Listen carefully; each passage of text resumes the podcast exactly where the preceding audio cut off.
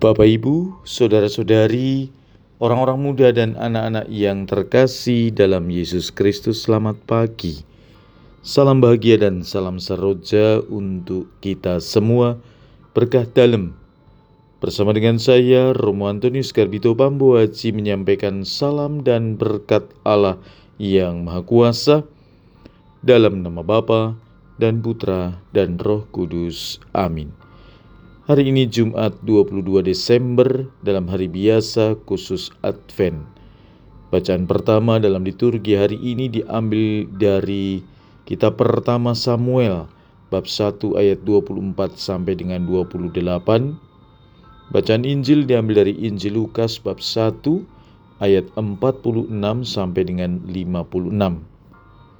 Dalam kunjungannya kepada Elizabeth ketika dipuji bahagia, Maria memuliakan Allah dan berkata, "Jiwaku memuliakan Tuhan, dan hatiku bergembira karena Allah Juru Selamatku, sebab Ia telah memperhatikan kerendahan hambanya. Sesungguhnya mulai sekarang segala keturunan akan menyebut aku berbahagia, karena Yang Maha Kuasa telah melakukan perbuatan-perbuatan besar kepadaku, dan namanya adalah Kudus." Rahmatnya turun-temurun atas orang yang takut akan dia. Ia memperlihatkan kuasanya dengan perbuatan tangannya dan mencerai berikan orang-orang yang congkak hatinya.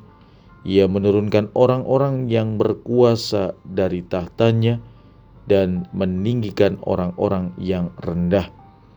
Ia melimpahkan segala yang baik kepada orang yang lapar dan menyuruh orang yang kaya pergi dengan tangan hampa ia menolong Israel hambanya karena ia mengingat rahmatnya seperti yang dijanjikannya kepada nenek moyang kita, kepada Abraham dan keturunannya untuk selama-lamanya.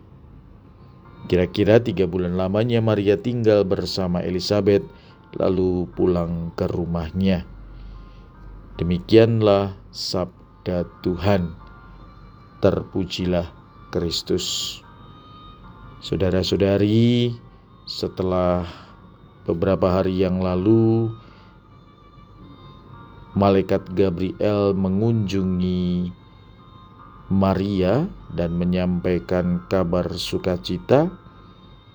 Kemarin kita mendengar bagaimana Injil mengisahkan Maria pergi ke Enkarim menjumpai Elizabeth yang sedang mengandung di masa tuanya dan siap melahirkan Yohanes Pembaptis.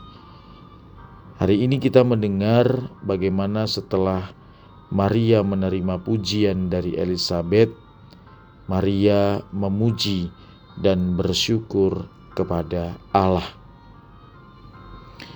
Dari Maria, kita belajar bahwa penyerahan diri kepada Allah dan kesetiaan kepadanya ini akan memberikan kekuatan yang melampaui daya kuasa manusia. Bagaimana tidak, kalau dalam ukuran atau kacamata manusia, apa yang dialami oleh Maria mengandung sebelum resmi menikah, kemudian Elizabeth mengandung dalam usia tuanya, sekali lagi tidak ada yang tidak mungkin bagi Allah. Tuhan tidak akan memberikan sesuatu melampaui kemampuan kita untuk menerimanya. Maka, dalam pengalaman kehidupan kita selalu ada maksud Allah di balik semuanya.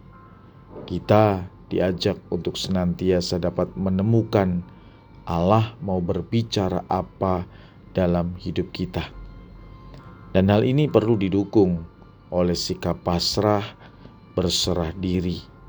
Dan kita juga bisa belajar dari Bunda Maria yang mengatakan terjadilah padaku menurut kehendakmu Tuhan. Marilah saudara-saudari yang terkasih, kita sungguh menaruh sikap pasrah, hati yang berserah, dan juga terbuka pada kehendak Tuhan, tentu akan membawa kelegaan tersendiri. Allah akan memberikan apa yang kita mohonkan kepadanya dan memperlihatkan kuasanya dalam kelemahan kita. Marilah kita berdoa. Ya Tuhan Allah kami, semoga kami semakin mampu untuk berserah diri kepadamu, dalam situasi apa pun dalam hidup kami. Berkat Allah yang Maha Kuasa, dalam nama Bapa dan Putra dan Roh Kudus. Amin.